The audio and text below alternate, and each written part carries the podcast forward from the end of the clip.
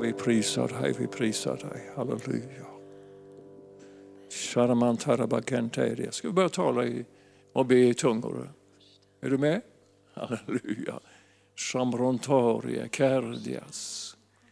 Simidara mantorum quantara sardidia. Sharana, Brantia, Brantia, Gondion, Torias. Seredi Siridia, Lacando, oh Jesus, Jesus, shikir la Baruante. Mende, mende, mende, mende, mende, takatios. Oh, halleluja, halleluja, chokoprondia la quanterias. Välkommen, helige Ande. Uppenbara ordet. Oh, halleluja, vi öppnar våra hjärtan för att bli berörda av dig. Oh, halleluja. Tackar dig för att du ger utav ditt liv. Så vi blir levande, halleluja. Och vi bara prisar dig för att vi lever utav varje ord som kommer ifrån dig, Fader. Åh, oh, halleluja. Tackar dig för det liv som vi får leva, det eviga livet som vi lever redan här och nu. Bara prisar och tackar dig för att vi lever ett annorlunda liv tillsammans med dig. Halleluja. Åh, prisad vare du Jesus för allt det som du har gjort färdigt som vi bara får gå in i. Halleluja. Allt är fullbordat. När du sa att det är fullbordat, då, då var det verkligen så. Så allt är färdigt. Bara att komma in. Halleluja. Åh, halleluja. Vi är så tacksamma. Vi är så tacksamma. Våra hjärtan flödar över. Halleluja. Halleluja. Ja, halleluja. Jag vet inte om det blir någon predikan. Jag är ju inte egentligen någon sån där predikant. Utan jag, jag bara pratar lite. Halleluja. Pratar lite grann utifrån det som eh, eh, finns eh, lite aktuellt för mig idag. Och jag tror att eh, jag tror att det är inspirerat ifrån himlen. Jag, jag, jag tror det. Men eh, eh den heliga Ande får väl utföra sitt verk så att han sorterar. Så att du får det du behöver idag. Eller hur? Du har inte kommit hit av en, en, en slump. Utan du har kommit hit därför att du har en längtan efter att få bli berörd av den levande guden. Halleluja. Berörd i ditt allra innersta, både till kropp, själ och ande. Fullkomlig touch from heaven, inte bara liksom en liten så, utan en, en, eh, en revolution alltså. Jag tror att mycket av utav eh, revolution är nödvändig för oss egentligen. Det behövs någonting av uppfräschning i våra liv. Eller talar jag bara för mig själv? Fräschhet, halleluja. Underbart när den helige Ande får komma, eller hur? Ja, ni jublar, jag, jag hör det. Inuti er så eh, liksom hoppar det. wow, säger det. Mera av Gud, mera, mera, ge mera. Åh, oh, halleluja. Ja, ja. ja. Det, var, det var någon som försökte fresta Jesus en gång. Det är ju ganska eh, meningslöst egentligen när man tänker efter, men han, han hade inte större förstånd än att han då gav sig iväg för att fresta Jesus. Då. Och så säger han så här, om du är Guds son så befall de här stenarna att bli bröd. Vilken tokig typ, alltså att, att liksom fresta Jesus på det sättet. För han, han visste ju precis vad han skulle säga då. Det står skrivet så här, förstår du, lilla vän. Eller vad han gjorde, vet, han klappade honom inte på huvudet. Men, men i alla fall, människan lever inte bara av bröd utan av varje ord som utgår från Guds mun. Och där fick han verkligen svar på, på den frågan. då. Eller den uppmaningen eller vad det nu var. Okay? Alltså här kommer någonting som är absolut centralt. Alltså allt det som Jesus svarade djävulen i de här frestelserna som kom ifrån djävulen då, är ju absolut central punkter så att säga för oss. Varje ord som utgår ifrån Guds mun. Och jag, jag, jag tror att vi, ska, vi behöver faktiskt eh, tänka efter. Jag säger ibland alltså att det är så väldigt mycket ord som finns. Det finns jättemycket ord. Och jag kommer tillbaka det gång på gång och nu skulle jag inte prata om, om det utan jag ska prata om liknelser men jag kan inte, jag kan inte låta bli alltså. Därför liknelser handlar om ord ifrån himlen. Och alltså för dig och mig så blir vi alltså konfronterade. Varje gång vi öppnar, öppnar Bibeln så blir vi konfronterade.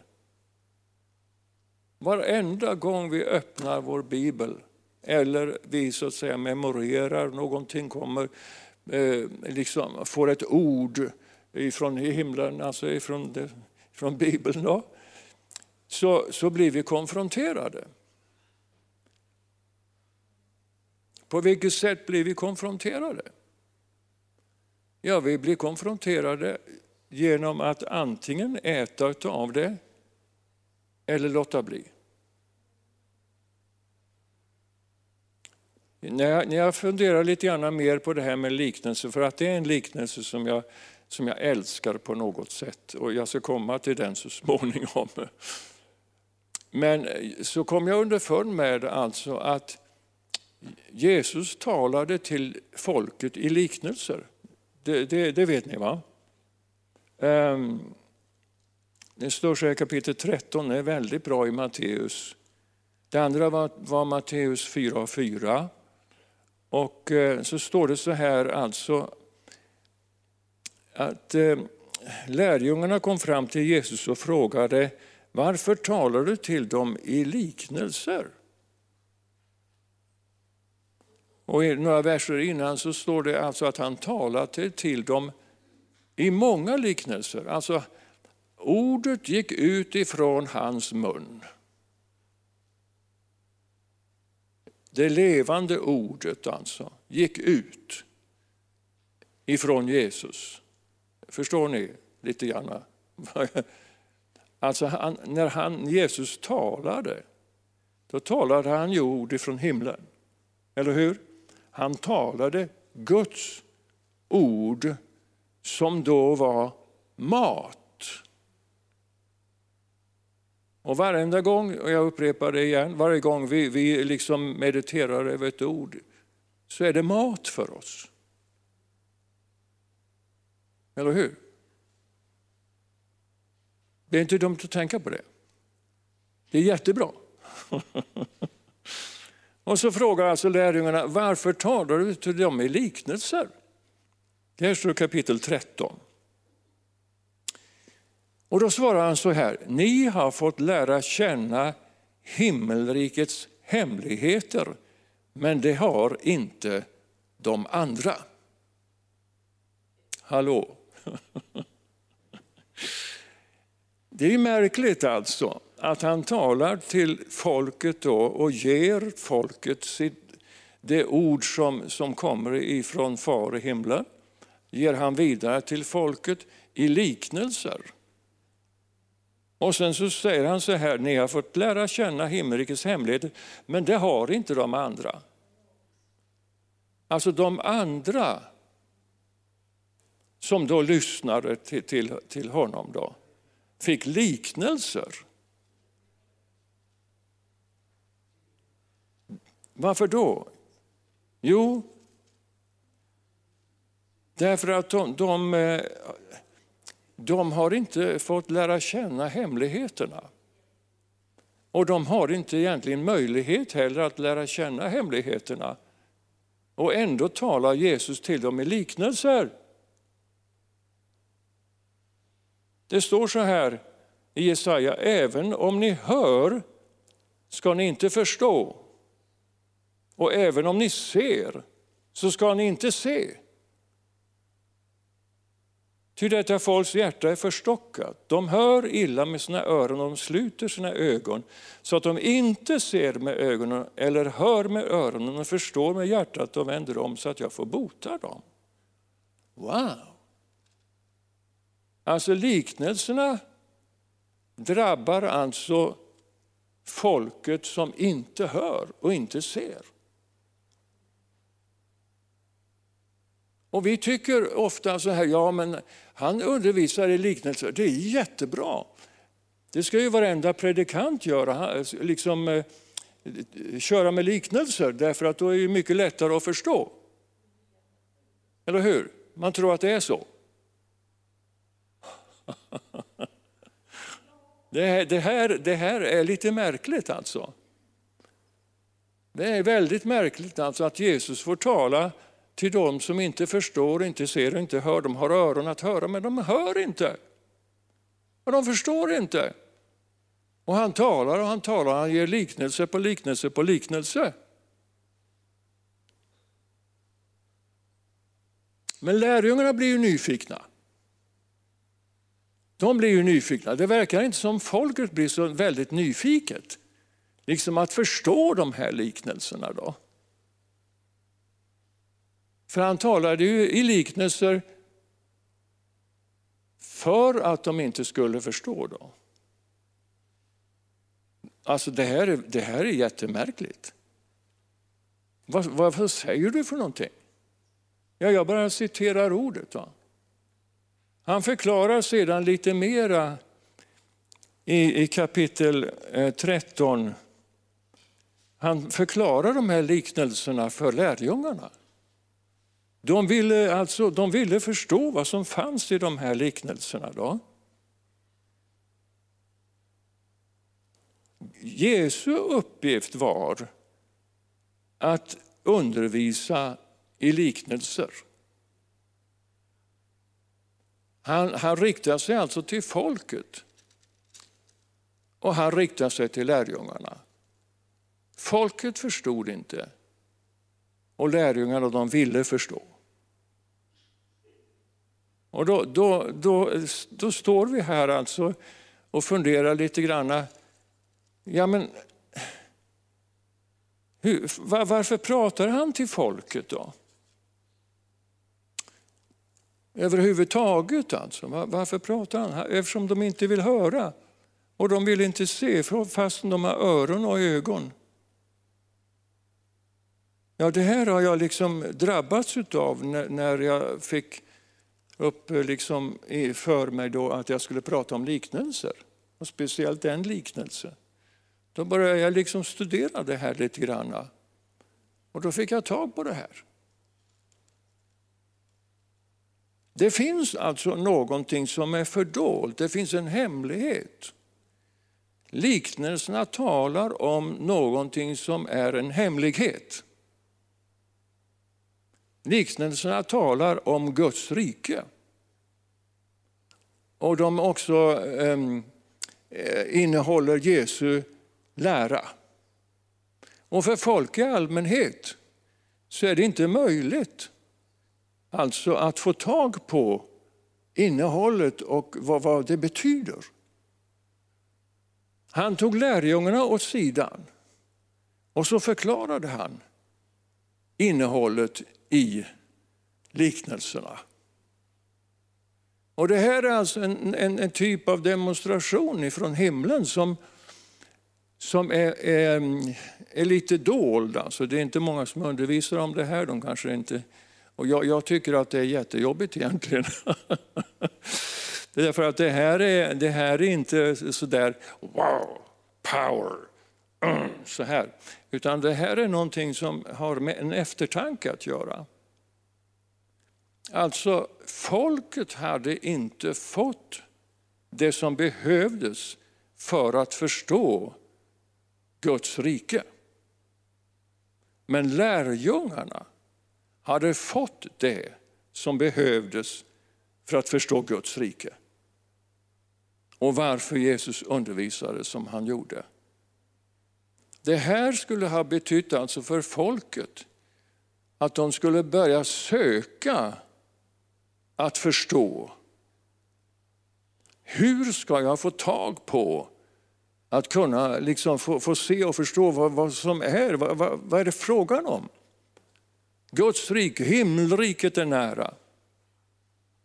Han pratade väldigt mycket alltså till, till folket så att folket hörde det. Himmelriket är nära. Han talar mycket om Guds rike eller himmelriket. Och det där tror jag var för att de skulle lockas till att bli avundsjuka. Att de inte förstod egentligen vad han talade om. Vad är det för någonting som finns där i det som han, han eh, liksom eh, eh, undervisar om? Vad är det som finns där egentligen?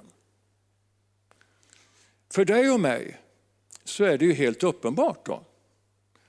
Eftersom vi har fått gåvan att förstå himmelrikets hemligheter, eller hur? Så vi begriper varenda liknelse. Vi förstår det liksom helt klart och tydligt, eller hur? Nej, vi har fått förmågan. Vi alltså har fått en, en eh, uppenbarelsens ande till att förstå de här liknelserna. För att de talar ju alltså om Guds rike. Guds rike är som ett, en, en säd, ni vet om säden. Den faller i olika jordmån och sådär. Och så finns det en förklaring till, till det där. då. Alltså, det som står om ni vill läsa lite mera, det är alltså Matteus 13 och vers 10 17. Där talar Jesus om varför han talar i liknelser och vad det betyder. Då. 34 och följande, också 34 och 35. Jag ska se, här så kan jag läsa vad han skriver där då.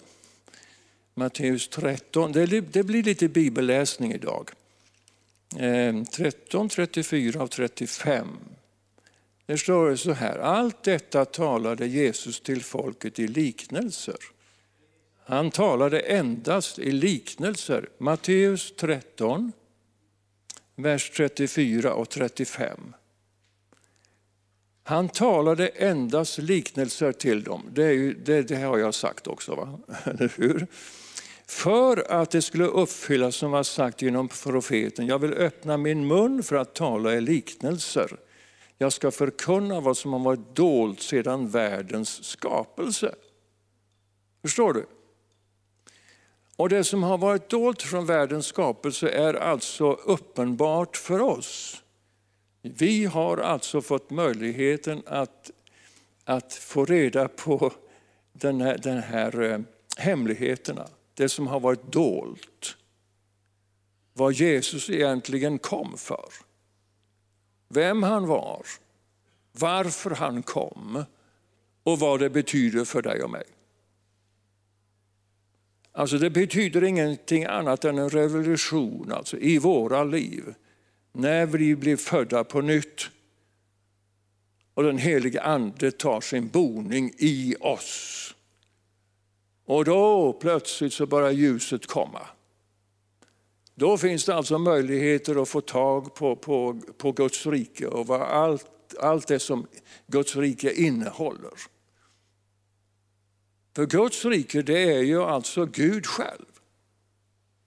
Man kan säga alltså att det är allt det som rör honom.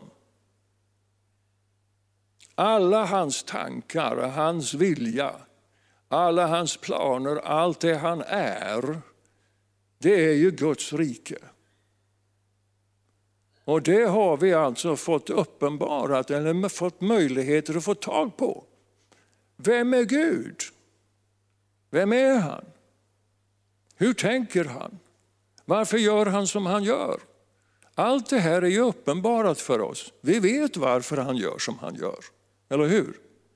Nej, ibland så är, förstår vi inte det. Men vi har alltså den heliga ande som kan uppenbara det här. Och det här är ju faktiskt en, en eh, väsentlig sak därför att Guds rike det är ju där vi rör oss. Eller hur? Det är Guds rike vi bär med oss invärtes. Guds rike är invärtes i dig och mig. Vad då Guds rike? För det mesta så, så, är det, så har vi en sån otroligt begränsad uppfattning om vad som har hänt med oss när vi blev ett Guds barn. Det, alltså, det öppnar sig en, en, helt, en helt ny värld för oss när Guds rike blir planterat inom oss. Det är många som, som inte fattar alltså att Gud själv och hans rike är invärtes i oss. Vad betyder det då? Ja, jag lever mitt liv som, som jag kan, jag gör så gott jag kan. Och, och jag mår, ja, huvudet upp och fötterna ner, man gör så gott man kan. Vem är du? Ja, jag är en människa som alla andra. Och jag knegar på och hur, hur är det? Ja, eh, det går som jag förtjänar. Det finns mycket som bara kommer ut ur vår mun som visar på alltså att vi ser och förstår inte eller har inte bett Gud om att uppenbara vad Guds rike är.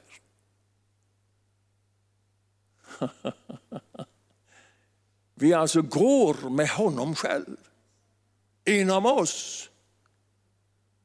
Hallå, betyder det någonting? Va? Nej, det, det finns inget större överhuvudtaget som kan hända dig och mig. Och det har hänt. Så varför är du så gnällig och gnatig och, och eh, besvärlig och bekymmersfull? Ja, nu, nu, tog jag i lite grann kanske. Det är ju inte du, men jag känner mig sån ibland. Varför håller jag på och tänker så begränsat? Varför upplever jag saker och ting så begränsat? Jag, jag tänker och tror alltså att allting cirkulerar omkring mig. Det som händer mig, det är världen det. Men den som bor inuti mig, där är alltså det som är sant. Halleluja. Där är livet. Prisad vare Herren. Vi lever och rör oss i honom. Eller hur? Paulus säger, nu lever inte längre jag. Nej, han har upptäckt alltså att Guds rike var inuti honom och då behövde inte han leva längre då. Eller hur? Han behövde inte liksom oroa sig. Eh, eftersom han levde inte längre då. Kan du tänka dig att det finns människor som oroar sig och bekymrar sig? När de har levande Gud på insidan. När de bär Guds rike med sig vart de än går. Var de än sitter och var de står och vad de än gör. Halleluja! Prisade vare Herren. Gud är med dig! Eller hur? Du har världsalltets skapare inom dig. Ja, det känner jag inte. Det, det är så besvärligt och det är så jobbigt. Och, och, inte minst det här nu som jag ska möta här om några dagar. Det, usch vad jobbigt det är. Ja, om du väljer alltså att leva livet utifrån dig, det vill säga att du lever Jag kan rekommendera dig att du ska dö.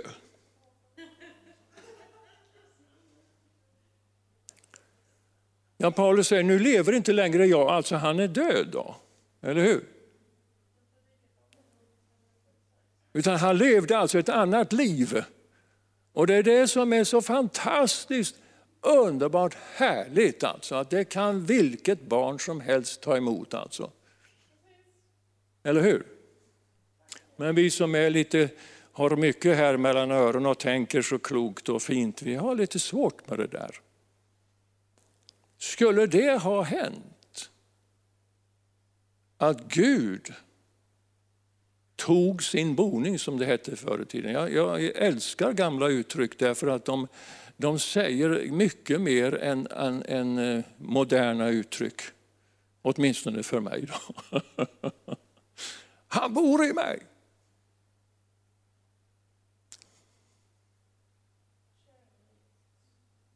Och nu är det så underbart alltså det att han, att han inte han, han fördömer inte.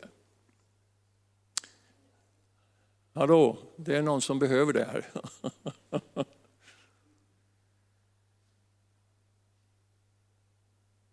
Titta inte på dig själv.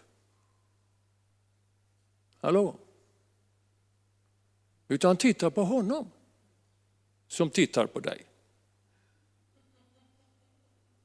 Och vad ser han? Han ser en gudsman och en gudskvinna.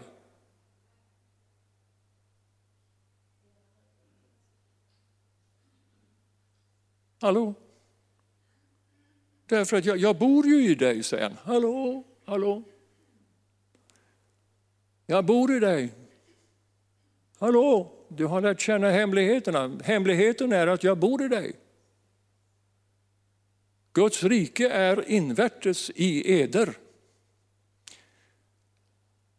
Det betyder att han, han bor i dig. Hallå? Ja, ni jublar på insidan, jag, jag förstår det. Men det, det, är det här jag träffar på och vi träffar på varenda gång vi börjar alltså att förstå att det finns någonting mer. Av uppenbarelse och ljus att komma in i. Eller hur? Mer av honom. Vi vill ha beröring av den helige Ande. Ja, vad är det som tonar? Det är Guds rike alltså in, i mig va? som börjar, bli, som börjar liksom leva. Guds rikets liv börjar leva när jag, när jag liksom drabbas av hans närvaro, att hans härlighet finns här. Eller hur? Det är inget mindre än alltså att revolutionen är på gång. Förändring, förvandling. Vem är det som gör det? Det är han. Vill han det då? Ja. Det var därför han sände Jesus. Du menar alltså att jag behöver inte liksom eh, oroa mig eller bekymra mig längre då? Nej, så är det. Så varje gång alltså jag bekymrar mig, då betyder det att, lyssna på mig, det här, det här, det här är jätteviktigt. Om du får tag på det här, så, så kommer du alltså sju mila kliv in i Guds rike. Alltså. Så fort jag bekymrar mig för någonting så är det jag som lever.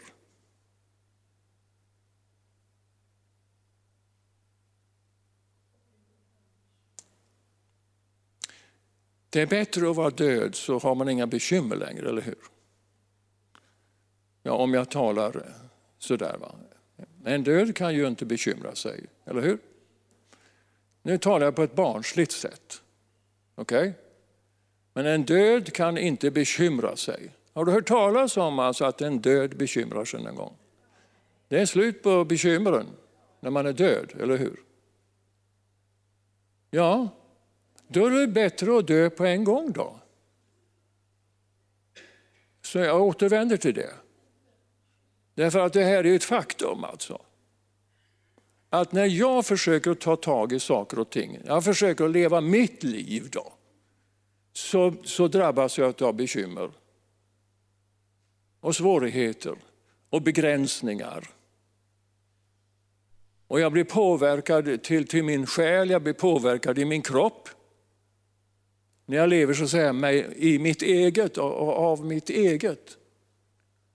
Men när jag lever av honom, då får jag ju tag på det som är han. Eller hur? Då är det han som kommer ut ur mig. Underbart! Halleluja! Så att hemligheterna de är uppenbarade för dig och mig. Och vi, vi kan alltså förstå de här liknelserna. Hm. Alltså en liknelse är ju en, en bildlig berättelse som belyser Guds rike och Jesu lära kan man säga. Då. Och i, i liknelserna så är det språkligt eh, lite annorlunda därför att det finns metaforer och det finns bilder och, och lite annat sådant. Och eh, en metafor kan vara till exempel bergets fot. Alltså en, ett berg har inte en fot. Va? Men alla vet vad uttrycket bergets fot betyder. Eller hur? Det är alltså nedre delen på berget. Det, det kallas alltså för metafor. Och I liknelserna finns det mängder med metaforer som, som, som eh, Eh, Jesus använder sig utav. Till exempel istället för att säga Gud så, så står det fader, det står kung och det står herde. Det är alltså en slags metafor. Vingård, jord och livträd finns istället för Israel. Frukt istället för gärning. Man ser frukt av sitt liv. Man, ser alltså de gärningarna som, som är gjorda. Och sedan en, en metafor är till exempel för död, det är sömn. använder man istället. Då. Då, jag ger er bara lite så här eh, Eftersom jag är lärare så ger jag er lite granna förklaringar. Jag har ytterligare lite förklaringar men det skulle nog trötta, trötta ut er så jag fortsätter. Alltså, liknelserna har ett dubbelt syfte. Att uppenbara och tillsluta. Och det är där besvärligheten kommer egentligen. Därför att den som inte tar emot ordet från himlen, där, där verkar alltså ordet tillslutande. Den som tar emot ordet ifrån himlen, det betyder alltså uppenbarelse. Du och jag får ordet uppenbarat för oss när vi tar emot det. Men om vi står emot ordet, det vill säga låter inte ordet verka i våra liv, så, så eh, blir det istället så alltså att det blir omöjligare och omöjligare för mig att ta del av det som finns i ordet. Jag, jag eh, råkar ut för någonting hemskt som heter förhärdelse. Då. Och där är det inte många som, som undervisar om. Men effekten av alltså att inte ta emot ordet, det är många människor som, som hör ordet och de bara hör ordet, hör ordet, hör ordet och hör ordet. Men det bär inte någon frukt därför att det, det, det kommer inte in, det blir inte mottaget. Och då verkar alltså ordet istället att det blir tillslutet, det blir stängt. Va? Istället för att det öppnar och ger ljus över Guds rike så blir det alltså tillslutet istället. Och att lyssna på ordet, lyssna på förkunnelsen, läsa ordet och läsa ordet och läsa ordet utan att ta till sig det. Det innebär alltså svårigheter. Ordet har alltså den effekten Gud talar, hans ord är alltså liv för var och en som tror. För var och en som tar emot ordet så är det någonting som kommer till liv inom en. Va? Oj, jag ser någonting. Oj, yes, jag förstår. Han är med mig. Han har omsorg om mig. Han är min herde. Wow! Jag behöver inte bekymra mig äh, överhuvudtaget. Eller hur? Nu skäller jag inte på er och på mig då, som inte har, har så att säga ett fullt ljus över allting. Då.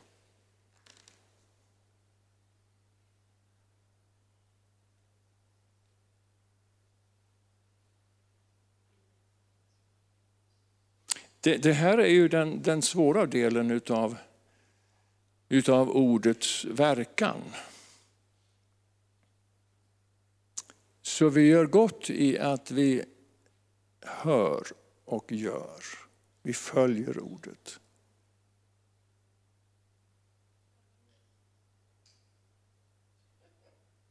Halleluja. Älskade vänner, det här, det här är liv alltså. Gud talar. Och det han talar ger liv. Och du missar livet genom att inte ta emot ordet. Då.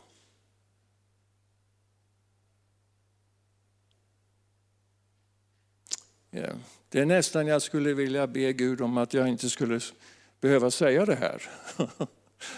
Eh, men jag behöver göra det. Därför att det är så tydligt ibland alltså att människor Ja, jag har hört, jag vet, jag vet, jag har hört. Men ändå så ser man inte effekten av det i människor.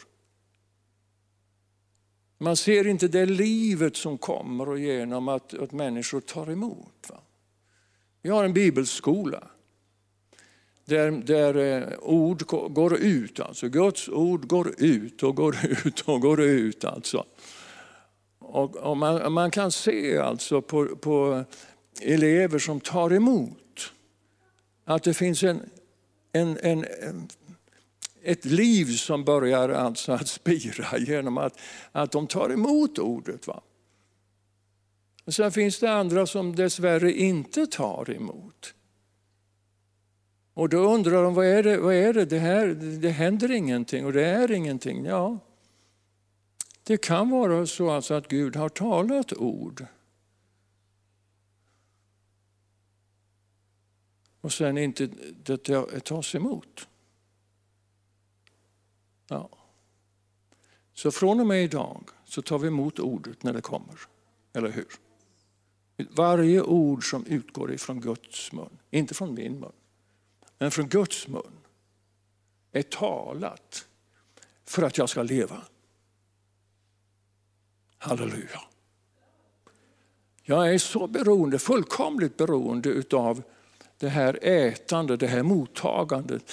Det här, mm, tack gode Gud för att du talar till mig. Du föder mig. Jag håller på och försöker att få fåglar att äta, äta lite grann, speciellt under vintertid. Och jag älskar att se när, när fåglar kommer och äter av maten som jag, som jag ger dem. Jag försöker att gå ut varje morgon innan jag äter själv. Så försöker jag gå ut och eh, fylla på förrådet för fåglarna. Då. ja. Jag tycker det är så härligt att se. De är så ivriga.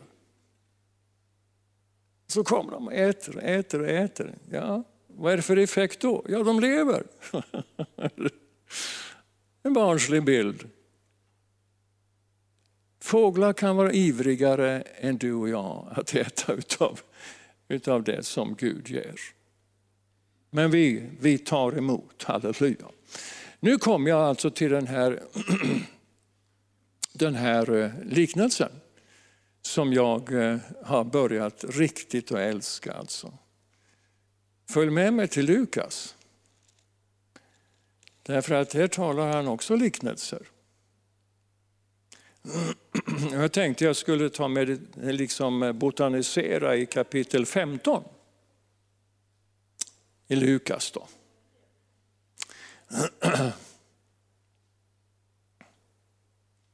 Och eh, man kan alltså, det, det står alltså liknelsen om det återfunna fåret. Nu har de tagit, eh, tagit bort lite grann om det, det, liksom det förlorade fåret, så stod det förr.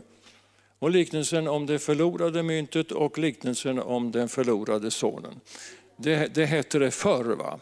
Och nu heter det alltså liknelsen om det återfunna fåret, det återfunna myntet och den återfunne sonen. Jag skulle vilja ta och eh, ha andra rubriker där. Ehm, jag skulle vilja ha den här eh, berättelsen berättelsen om de där fåren. Då. Ehm, han börjar nämligen så här.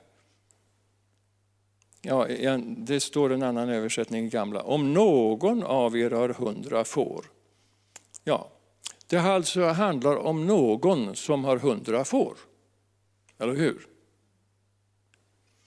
Och i nästa liknelse då, det handlar om en kvinna som har tio silvermynt. Eller hur? Så det kunde ju lika gärna vara, vara eh, rubriken. Och i nästa liknelse då, en man hade två söner. Det alltså handlar om en man som har två söner. Jag, jag, jag försöker att vidga er horisont lite grann. om det nu går. ja, om någon av er har hundra får och förlorar ett, lämnar han då inte de 99 i öknen och går och söker efter det förlorade tills han hittar det. Eller om en kvinna, kapitel 15 alltså, och vers 8, eller om en kvinna har tio silvermynt och tappar bort ett av dem, tänder hon då inte ett ljus och sopar huset och letar noga tills hon hittar det. Alltså, det här är en berättelse om någon då som har hundra får. Och hur han handlar då, eller hon. För det var inte så många kvinnliga herdar tror jag på den, den eh, utan han säger då han. Ehm, så lämnar han då de 99 eh, då. Alltså det handlar om hur då denne man eh, agerar när han råkar ha förlorat ett får. Kan ni vara med om det? Hurdan är han? Och hurdan är den där kvinnan som då eh, tappar ett mynt. Hon hade ju ändå tio stycken och nio stycken var kvar. Men det handlar alltså om henne, hur hon agerar när ett, ett mynt eh, tappas bort. Hurdan är hon? Och hurdan är han som har hundra får och tappar ett får? Hurdan är han? Alltså det, har, det har någonting att göra med inställningen hos den personen då? Hos den som har hundra får, inställningen hos honom. Vilken inställning har han? Jo, han måste hitta det enda fåret. Va? Och hon måste hitta det, den där silverpenningen, även om hon hade nio stycken kvar. Det fanns alltså en beslutsamhet hos de här två då, att, att liksom få tag på det där. Har jag hundra får som min sann så ska jag ha hundra får. Jag nöjer mig inte med 99 utan det ska vara 100. Har jag 10 silverpenningar så nöjer jag mig inte med 9 utan jag ska ha 10. Och sen här var det en man då som hade två söner. Och så verkar det som att han förlorade en. Då skulle man kunna tänka sig, ja, jag struntar väl i honom, jag har i alla fall en kvar. Nej, men det fanns någonting i den mannen då. Tillåt mig att läsa den liknelsen. Är det okej? Okay? Kapitel 15 i Lukas ifrån vers 11. Vidare så sa han, alltså Jesus då, en man hade två söner. Den yngre sa till sin far, far ge mig min del av egendomen. Och då delade han sin egendom mellan dem. Eller hur? Vad betyder det? Att båda sönerna fick. Eller hur? Kort därefter packade den yngre sonen ihop allt sitt och for långt bort till ett främmande land. Och där förde han ett utsvävande liv och slösade bort det han ägde. Men när han hade gjort slut på allt så kom en svår hungersnöd över det landet och han började lida nöd. Då gick han bort och slöt sig till en av inbyggarna där som skickade ut honom på sina ägor för att vakta svin. Han skulle gärna ha velat äta sig mätt på de fröskidor som svinen åt, men ingen gav honom något.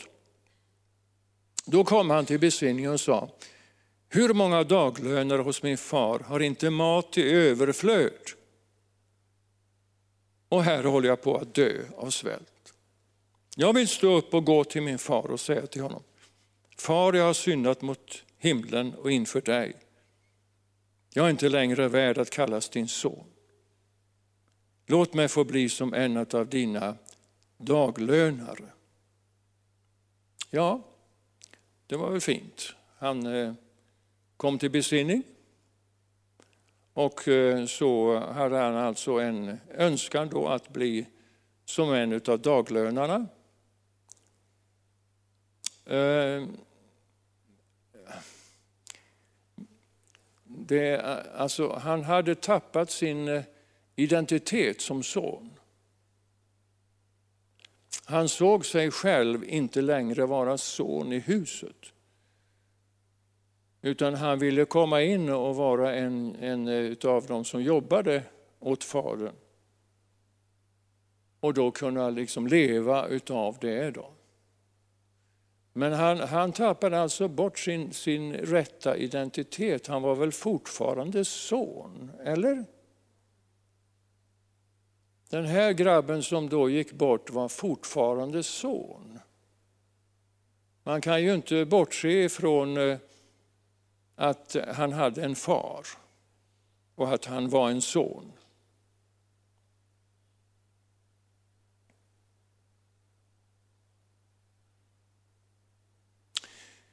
Så sonen hade alltså eh, eh liksom, eh, förstått det här lite fel.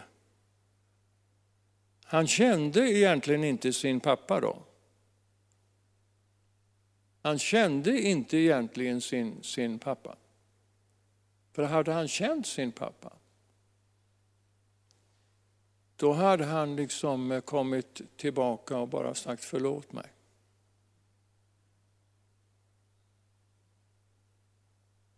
Men han kände inte pappan då. Eller hur? Jag brukar kalla den här liknelsen för den missförstådde fadern. För att det var en son till alltså som inte begrep sin far heller. Och det var han som var hemma och som hade hälften av egendomen. Och han tyckte det var illa att han inte fick någon gödd kalv alltså att glädja sig åt. Så han blev avundsjuk på vad var den här sonen som då hade varit den här riktiga odågan och som hade gjort totalt fel, allting. Och han, han slog sig liksom för bröstet och sa, jag som har varit så perfekt, jag har inte fått någonting. Och så visste han inte att han hade, han hade egentligen halva egendomen. Dessutom hade han en pappa som skulle kunna ge honom hur mycket som helst. Eller hur? Ja, så här står vi alltså inför för en son då som, som går, står upp och går till sin far i vers 20. Då. Och den här versen är den bästa versen, tycker jag. En av mina två, tre favoritverser i Bibeln. Och han stod upp och gick till sin far medan han ännu var långt borta fick hans far se honom.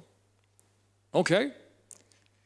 Hur kom det sig alltså att hans far fick se honom långt borta? Horisonten är 360 grader.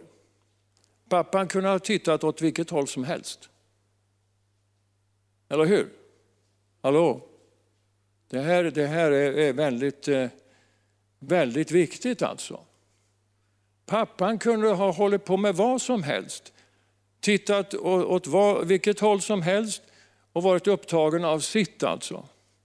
Men när han, sonen, kommer redan långt borta, då ser han honom. Han måste ju alltså på något sätt förstått att han var på gång. Eller? Jag kan inte begripa det på något, någonting annat sätt. Annars är det ett fullkomligt mysterium alltså att han såg honom redan på långt håll. Det måste funnits någonting inom honom som sa, nu är det något på gång, titta åt det där hållet.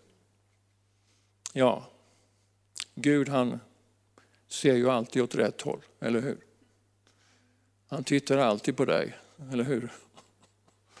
Nej, han tittar på mig. Han ser alltid åt mitt håll.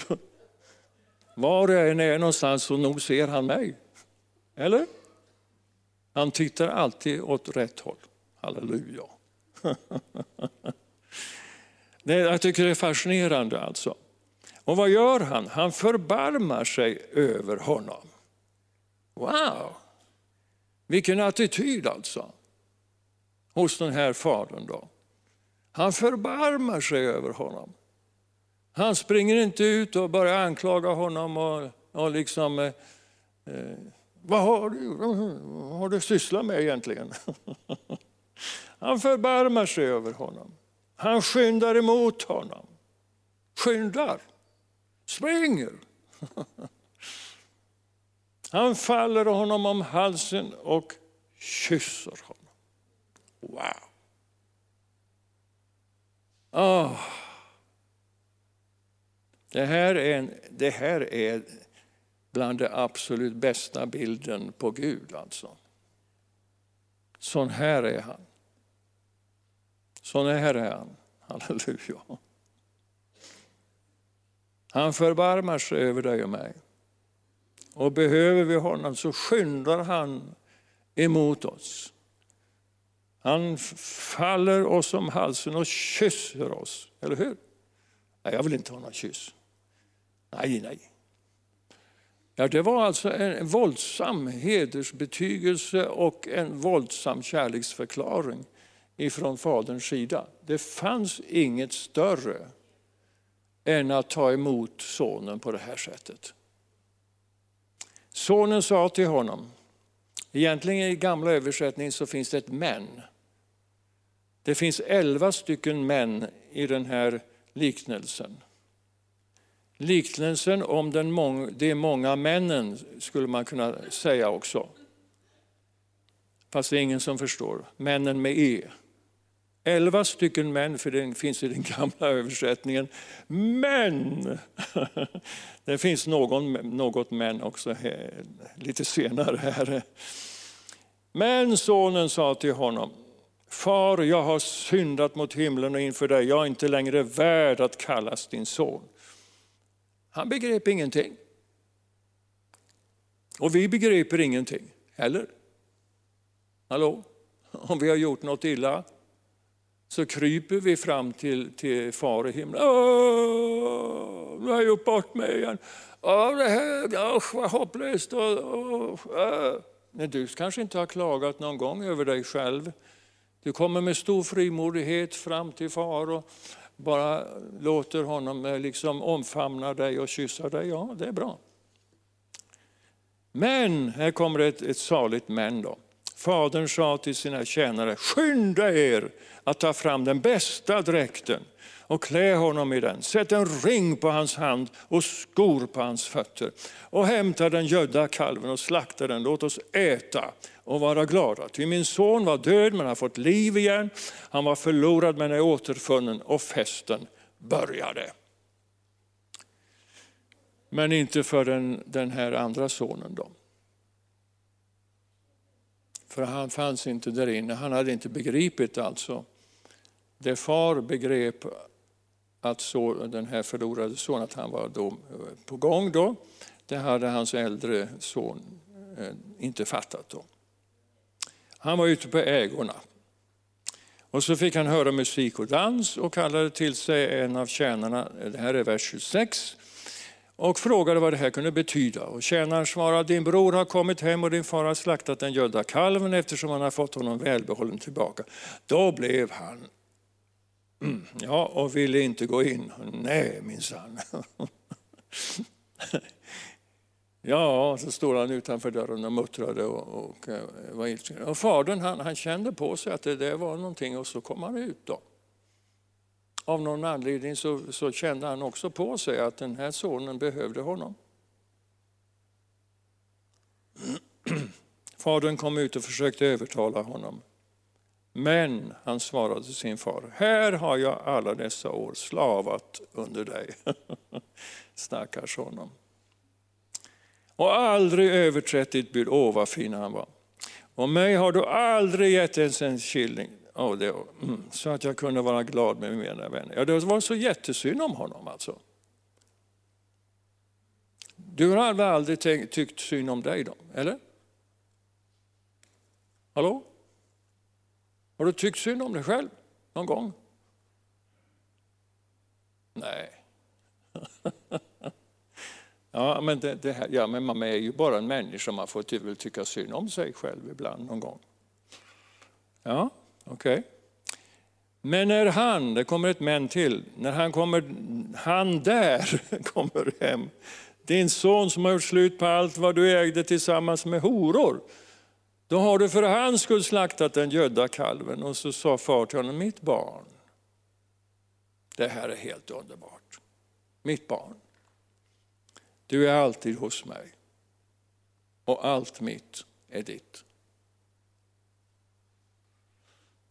Men nu måste vi ha fest och glädja oss, till denne din bror var, var död men har fått liv igen. Han var förlorad, förlorad men är återfunnen. En av de liknelser som finns som kan liksom bli liv för oss. Vi kan, vi kan eh, hitta saker och ting här som, som väcker oss och som gör oss glada. Har du hittat någonting i den här liknelsen och fått det uppenbarat för dig att du kan glädja dig över vem far i himlen är, till exempel? Och att vi har en far i himlen som bara skyndar sig emot oss, eller hur? Oavsett vad vi har gjort eller inte gjort, så bara oh. Ja, det är alltså eh, fars attityd. Va? Det handlar alltså om den här faderns attityd, vem han var som människa. Vem den här herden var som människa som liksom sökte efter det här förlorade fåret. Vem den här kvinnan var som människa som gjorde att hon letade efter det här, den här borttappade eh, silverpenningen. Du och jag lever ett liv tillsammans med Herren. Och du och jag liknar vår far i himlen. Vi har, vi har den här naturen, eller hur? Vi har det här alltså att uppsöka det som är förlorat.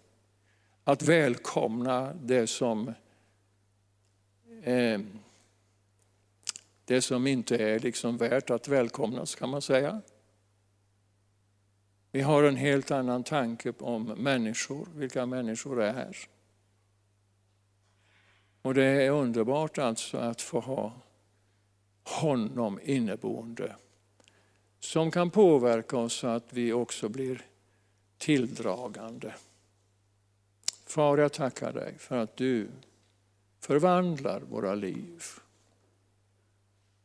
till ditt liv. Vi tackar dig för att vi får leva ditt liv. Att vi slipper och eh, räkna med oss själva utan vi räknar fullkomligt med dig. I allt vad vi gör, allt vad vi tänker, allt vad vi planerar. I allt som möter oss, Far. Så vill vi lära känna dig och ditt rike. Vi vill lära känna vem du är i oss. I Jesu underbara, härliga, ljuvliga, fantastiska namn. Halleluja. Halleluja. Han som bor i oss är större. Han som bor i dig är större. Han som bor i dig och mig är övervinnare. Tillsammans med honom så segrar vi. Halleluja. Även om omständigheter inte skulle vara fullkomligt tillrättalagda. Hallå? Även om omständigheter inte är tillrättalagda eller kommer att bli tillrättalagda så kan vi leva ett segrande liv tillsammans med Far i himlen. Halleluja. Halleluja. Det är svårigheten alltså. Alltså att tro att våra liv ska vara en, en eh, motorväg.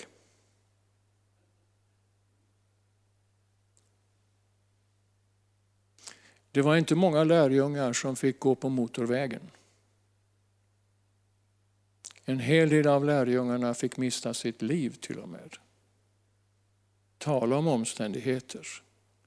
Men mitt i alltihopa där så segrade de.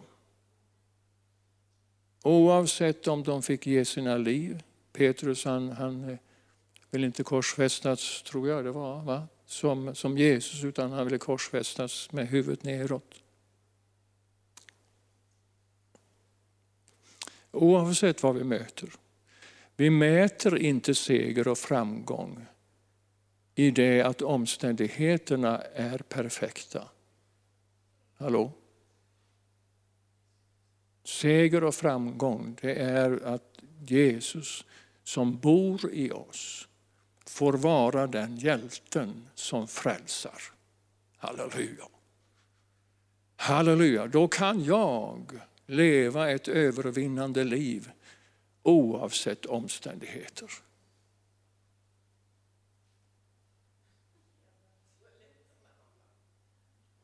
Oavsett om allt inte är tillrättalagt så kan jag inom mig. Därför att jag lever ju inom mig, va? eller hur? Jag lever livet med honom inom mig. Halleluja. Jag lever livet med honom inuti mig. Och ingen människa kan göra mig något ont om jag låter hans liv få leva inom mig. Även om de skulle slå mig, även om de skulle håna mig, även om de skulle göra mig illa på något sätt, så kan jag ändå leva ett segrande liv därför att jag har honom på insidan. Halleluja. Han som bor i mig är övervinnaren. Halleluja. Så vi får lära känna honom. Halleluja. Ta emot det han talar och säger. För han älskar oss. Oh, halleluja. Ja, det blir lite allvarlig eh, undervisning idag. Men jag, jag för min del, jag, jag behöver se det här. Jag behöver se vem han är som bor i mig. Jag behöver förstå det. Halleluja. Halleluja. Ruba kentedi asto montore. Imrasa sakantari de. Ska vi bara låta oss beröras av Herrens ande. Och sitter du med någon fördömelse och är med någon fördömelse, tanke eller känsla så bara säg nej. Det finns ingen fördömelse för mig. Jag är ju i Kristus Jesus. Halleluja. Det finns ingen fördömelse. Jag upprepar det för att jag, jag, jag upplever att det är nödvändigt. Alltså, att jag upprepar det finns ingen fördömelse. Det finns bara en underbar far som möter mig när jag kommer hem till honom. Halleluja! så möter han mig. Han omfamnar mig, han kysser mig och han klär mig i de bästa kläderna. Och ringen på fingret som betyder att han och jag är tillsammans. Halleluja. Åh, vi bara prisar Herren. Oh, halleluja. Oh, halleluja. Då, då, kommer, då, då bryter det igenom. Det finns flera som, som vill ha genombrott i sina liv. Det finns flera som har genombrott i sina liv. Genombrottet finns inom dig. Därför att Guds rike är invärtes i det. Genombrottet sker alltså inom dig och mig. Jag lägger så att säga mig själv undan. Och jag tar emot det som finns ifrån honom. Wow, jag bara omfamnar det som kommer ifrån honom. Och så sker genombrott. Därför att det är han som är genombrottets Gud. Det är han som kommer med genombrott i våra liv. Halleluja. Prisad, åh oh, prisad vare Herren. Halleluja. Ska vi, um, ska vi be för någon? Det var någon som ville ha förbön. Kom så ska vi be. Halleluja. Åh, oh, halleluja. Mm, tack Jesus, tack. Helige Ande bara kom.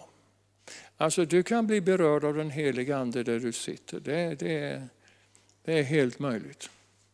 Så låt dig bara fyllas av honom. Halleluja. Har vi någon mötes eller som kan hjälpa till? Kan du göra det? Tack, tack. Halleluja. Ja, Gud han, han känner till det där. Jag känner inte till det, men han känner till det. Och han kommer med sin kraft.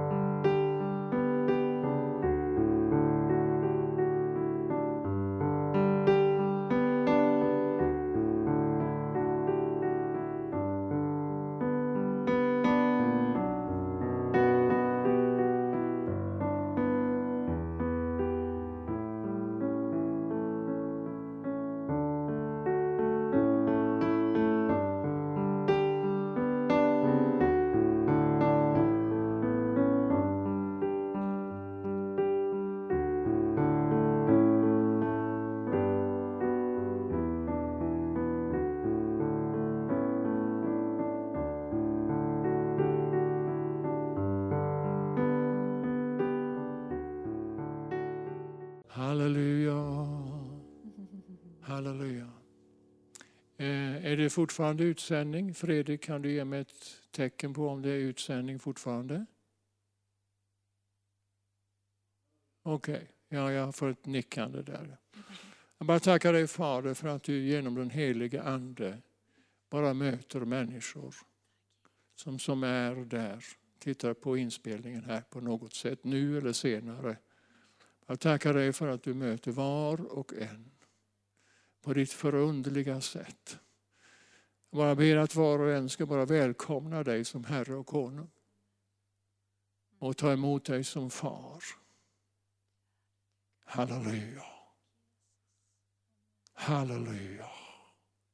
Tack för att du gör mirakler just nu i flera människors liv. Åh, oh, halleluja.